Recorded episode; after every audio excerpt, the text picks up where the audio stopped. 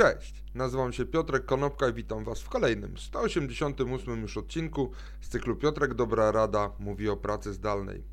Dzisiaj podpowiem 13 tipów na temat tego, jak można sobie poradzić ze zmęczeniem w trakcie zdalnych spotkań, yy, głównie z wykorzystaniem narzędzi audio-wideo.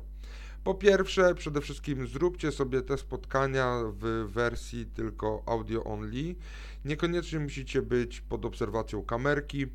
E, oczywiście o wiele e, lepiej wygląda takie spotkanie, jeżeli możecie z tej kamerki korzystać i wszyscy uczestnicy z tych kamerek korzystają.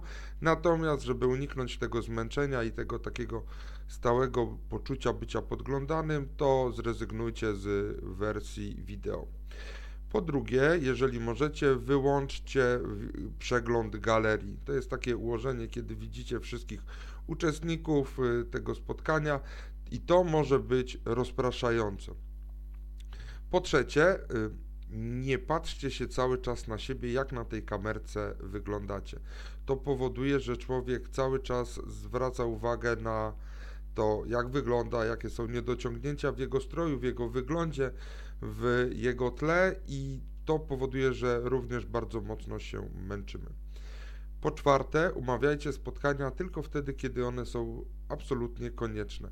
Część rzeczy można załatwić mailowo, część rzeczy można załatwić telefonicznie, część rzeczy znajdziecie na pewno na swoich intranetach.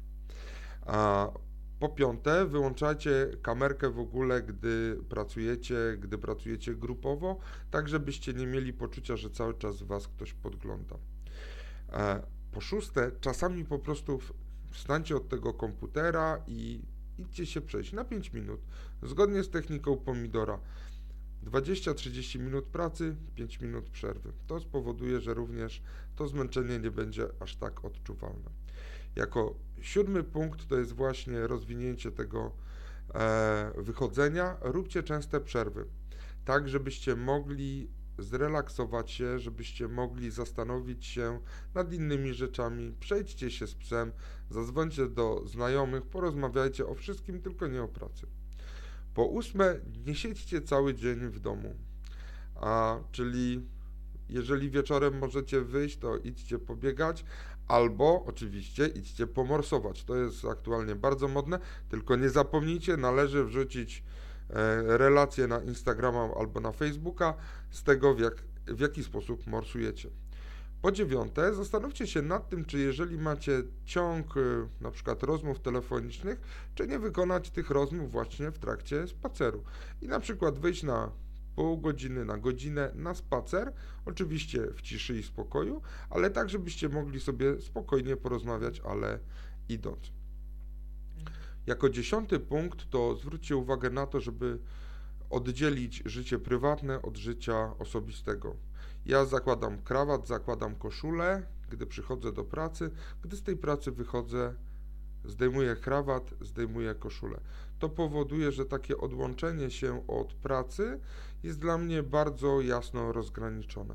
Spróbujcie wyrobić u siebie też taką jakąś y, rutynę, jakiś nawyk. Po jedenaste, pozostańcie w zdrowiu.